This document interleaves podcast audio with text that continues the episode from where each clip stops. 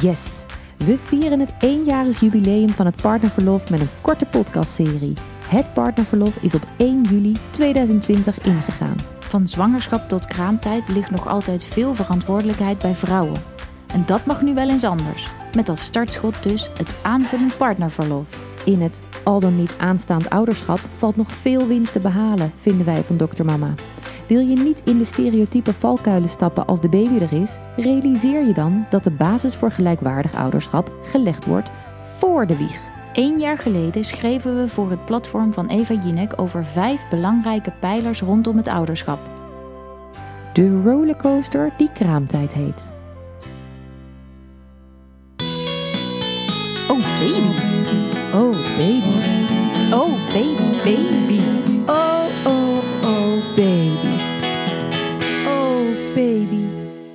De bevalling is dé climax van de zwangerschap. Een berg waar je vaak niet overheen kan kijken. En die baby? Tja, dat zien we dan wel weer. Met een hond ga je op puppycursus, maar één van de grootste taken in het leven ga je onvoorbereid tegemoet. Ouders worden is zo mindblowing, daar kun je je misschien bijna niet op voorbereiden. De eerste maanden moet je alles leren en die baby brengt, behalve een totaal nieuwe vorm van liefde, ook een hele hoop onzekerheden met zich mee. Tel daar gebroken nachten en een flinke berg hormonen bij op en je voelt je een emotionele flipperkast. Het is zo overweldigend dat het eigenlijk te bizar is dat maar één van de ouders deze maanden volledig meemaakt. Wie baart mag even uithijgen, toch? Natuurlijk krijg je als zwangere verlof om te herstellen van die enorme rollercoaster die je net achter de rug hebt. Maar de kraamtijd is niet alleen bedoeld om fysiek bij te komen. Ouders worden zorgt namelijk ook voor een emotionele aardverschuiving. En terwijl de een nu de tijd krijgt om daarvan te bekomen en te leren zorgen, wordt van de ander verwacht dat ze zich binnen no time op de werkvloer begeven om de wereld draaiende te houden, terwijl je eigen leven stilstaat. Denk je alleen aan het fysieke herstel na de bevalling, dan kom je met vijf werkdagen verlof wellicht uit. Maar wanneer kom je er dan aan toe om de geboorte te verwerken? Je wil elkaar als ouders leren kennen, jezelf leren kennen in deze nieuwe rol. Maar vooral ook je baby leren kennen en alle taken die daarbij komen kijken. Want je denkt toch niet dat het moederschap bij vrouwen zomaar komt aanwaaien? Nee, het is keihard werken. Vrouwen zijn niet genetisch geprogrammeerd om luiers te verschonen like a pro. Of krampjes weg te knuffelen, huiltjes te duiden, slaapritmes te snappen, voedingssignalen te begrijpen. Aanvoelen wat jullie baby nodig heeft is echt hogere wiskunde en kun je alleen leren door het heel veel te doen. Het idee dat moeders dit van nature kunnen en vaders er simpelweg minder goed in zijn, is zo achterhaald. Door samen verlof op te nemen krijg je ook direct minder last van de stereotype rollen van vader en moeder. Want als je met z'n tweetjes niets weet, het samen mag uitvogelen en elkaars kwaliteiten kan benutten, hoef je niet te polariseren, maar leer je van elkaar. Als partner kun je een anker zijn door er te zijn en een deel van de zorg voor jouw rekening te nemen. Als je de hele dag met je vrouw doorbrengt en ziet wat het voeden met zich meebrengt, begrijp je elkaar beter. Je houdt elkaar in het oog en hebt minder de kans om elkaar kwijt te raken. Een wezenlijk andere ervaring dan wanneer één van beiden de hele dag op kantoor zit. Als ik naar mezelf kijk, na de geboorte van ons zoontje, voelde ik mij hormonaal en fysiek gemangeld en zat ik met knetterende melktieten naar een hulpeloos wezentje te staren dat ik met mijn voeding in leven zou houden. Terwijl Daan na twee dagen verliefd naar ons kindje kijken zijn normale leven weer oppakte en naar zijn werk ging. Oké, ik had de kans gekregen een kind te baren en dat was een machtige ervaring. Een ervaring die ik niet aan een ander had willen overlaten, maar om vervolgens drie maanden lang niet meer mee te doen aan de maatschappij zoals ik die kende, was best een beetje heftig. En ook voor Daan was het frustrerend dat hij onze zoon niet kon begrijpen zoals ik dat kon. Ik kende ieder grimasje en ieder huiltje omdat ik de hele dag met niets anders bezig was. Dus ontnam ik hem vaak de kans het zelf uit te zoeken, omdat ik mijn antwoord al klaar had en het snel overnam. Door het slaapgebrek, de borstvoeding, het trage fysieke herstel en de eenzame verantwoordelijkheid zat ik na een paar weken op het randje van een mentale breakdown en heeft Daan vier weken vrijgenomen. Vanaf dat moment zaten we samen de huiltjes te analyseren, zelf te huilen bij zijn eerste lachje, s'nachts het flesje klaar te maken en de luier te verschonen. Hij kreeg ook de intense band met ons kind, die ik in de weken ervoor al had opgebouwd, maar dreigde te verliezen doordat ik het bijna niet meer aankon. In die tijd zag ik de band tussen Daan en onze zoon groeien, net als zijn zelfvertrouwen. Want mijn man wilde natuurlijk heel graag een gelijkwaardig aandeel in dit avontuur hebben, al had hij eerder niet beseft hoe fantastisch het is als je kind zich in dit stadium al aan jou hecht. En dat het niet pas leuk wordt als hij een bal terug kan schoppen. Onze maatschappij is zo ingericht dat het de biologische verschillen tussen man en vrouw versterkt, terwijl we in het ouderschap helemaal niet zoveel verschillen. Want net als de hormonale aanpassingen voor de geboorte, blijkt ook daarna dat hoe meer tijd je doorbrengt met je kind, hoe beter je, ook als partner, reageert op de primaire behoeftes van je baby. En dat zie je ook terug in de hormonen van betrokken partners. Reacties op huilen en daarnaar handelen zijn bij betrokken vaders net zo sterk als bij moeders. Door samen verlof op te nemen, ga je ook samen down the rabbit hole van het prille ouderschap.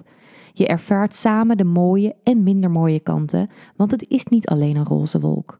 Het kan soms pijnlijk zijn dat je even niet meer meedoet aan de maatschappij.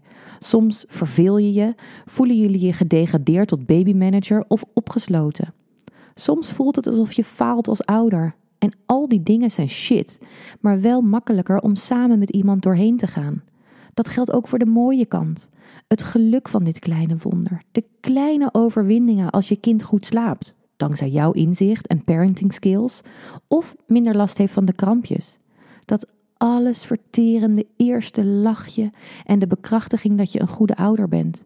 Door dit samen te doen, hecht een kind zich aan beide ouders. Die primaire hechting houdt een leven lang zijn uitwerking. Het wordt zichtbaar in het gedrag dat een kind vertoont op stressvolle momenten. Bijvoorbeeld als een kind valt en direct door mama huilt en alleen door haar getroost wil worden. Of wanneer je kind iets kwijt is en mama onder de douche vandaan trekt terwijl de andere ouder ernaast staat. Juist door de intensieve interactie tussen kind en opvoeders, al tijdens de kraamtijd, wordt de basis gelegd van een duurzame affectieve relatie. Corona en de intelligente lockdown bleken een ideale proeftuin voor partners nog voordat het aanvullend partnerverlof inging. Uit recent onderzoek naar genderongelijkheid tijdens de lockdown blijkt dat 22% van de vaders meer zorg en huishoudelijke taken op zich heeft genomen. Dat is nog geen volledige gelijktrekking, maar wel een begin. Maar naast de verdeling van huishoudelijke taken kregen ouders ook de kans om een intieme band met kinderen op te bouwen. De partners die dat ten volle hebben ervaren zijn de mensen die vlak voor de coronacrisis hun baby kregen. Zij kregen de volle drie maanden met baby en vrouw in de schoot geworpen. Al ging dat voor velen gepaard met de nodige stress van het thuiswerken. Toch vormt het de fundering van het gelijkwaardig ouderschap, want die betrokkenheid bij de zorg in het begin van het leven zal zich een leven lang voortzetten. En niet alleen de baby heeft hier baat bij, want partners die tijd doorbrengen met hun kinderen zijn fysiek en mentaal gezonder en voelen zich gelukkiger dan andere partners. Bovendien hebben betrokken partners gemiddeld een betere seksuele relatie met hun partner. Als dat geen win-win situatie is, weten wij het ook niet meer. Kinderen van betrokken partners ontwikkelen zich beter, zowel emotioneel als intellectueel. Zij hebben minder kans op depressie, angst en onzekerheid op latere leeftijd. En vrouwen, opgelet, betere seks, betere kans op de arbeidsmarkt, minder zwangerschapsdiscriminatie en een eerlijkere verdeling van het huishouden liggen in het verschiet. Kortom, dankzij het verlengd partnerverlof, een gelukkige samenleving. Je vraagt je af wat er nog tegenin te brengen is. Dat er een enorme kans ligt in het aanvullend geboorteverlof is duidelijk, maar dan moet het wel aan een aantal voorwaarden voldoen. Om echt een gelijke verdeling te krijgen, zou het verlof eigenlijk volledig gelijk moeten zijn tussen degene die het kind draagt en baart en haar partner. En het zou moeten worden betaald, ook voor ZZP'ers. In de huidige regeling wordt 70% van het salaris vergoed door het UWV en daarom hebben we een regeling nodig voor lage inkomens, want door deze niet te compenseren in de huidige verlofregeling doen we kwetsbare gezinnen tekort. Maar laten we dit kind nou niet meteen met het badwater weggooien en ouders stimuleren om dit verlof op te nemen. Want elke reis van duizend mijl begint met de eerste stap, ook gelijkwaardig ouderschap. Maak die stap als partner, niet alleen ten behoeve van je vrouw en kind, maar ook voor jezelf. Door samen te kramen leg je een basis waar jullie de rest van jullie leven de vruchten van zullen plukken. En jullie niet alleen, ook onze kinderen. Zij zullen door jullie voorbeeld gelijkwaardigheid doorvoeren tot in alle facetten van het mens zijn en daarmee zorgen voor een meer rechtvaardige wereld. Dus partners, neem dat verlof op, want gelijkwaardig ouderschap start in dit geval met de wieg, oftewel de wet invoering extra geboorteverlof. Oh baby, Oh baby, oh baby, baby.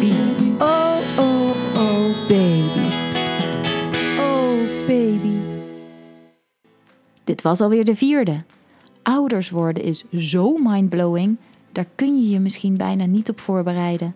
De eerste maanden moet je alles leren en die baby brengt behalve een totaal nieuwe vorm van liefde ook een hele hoop onzekerheden met zich mee.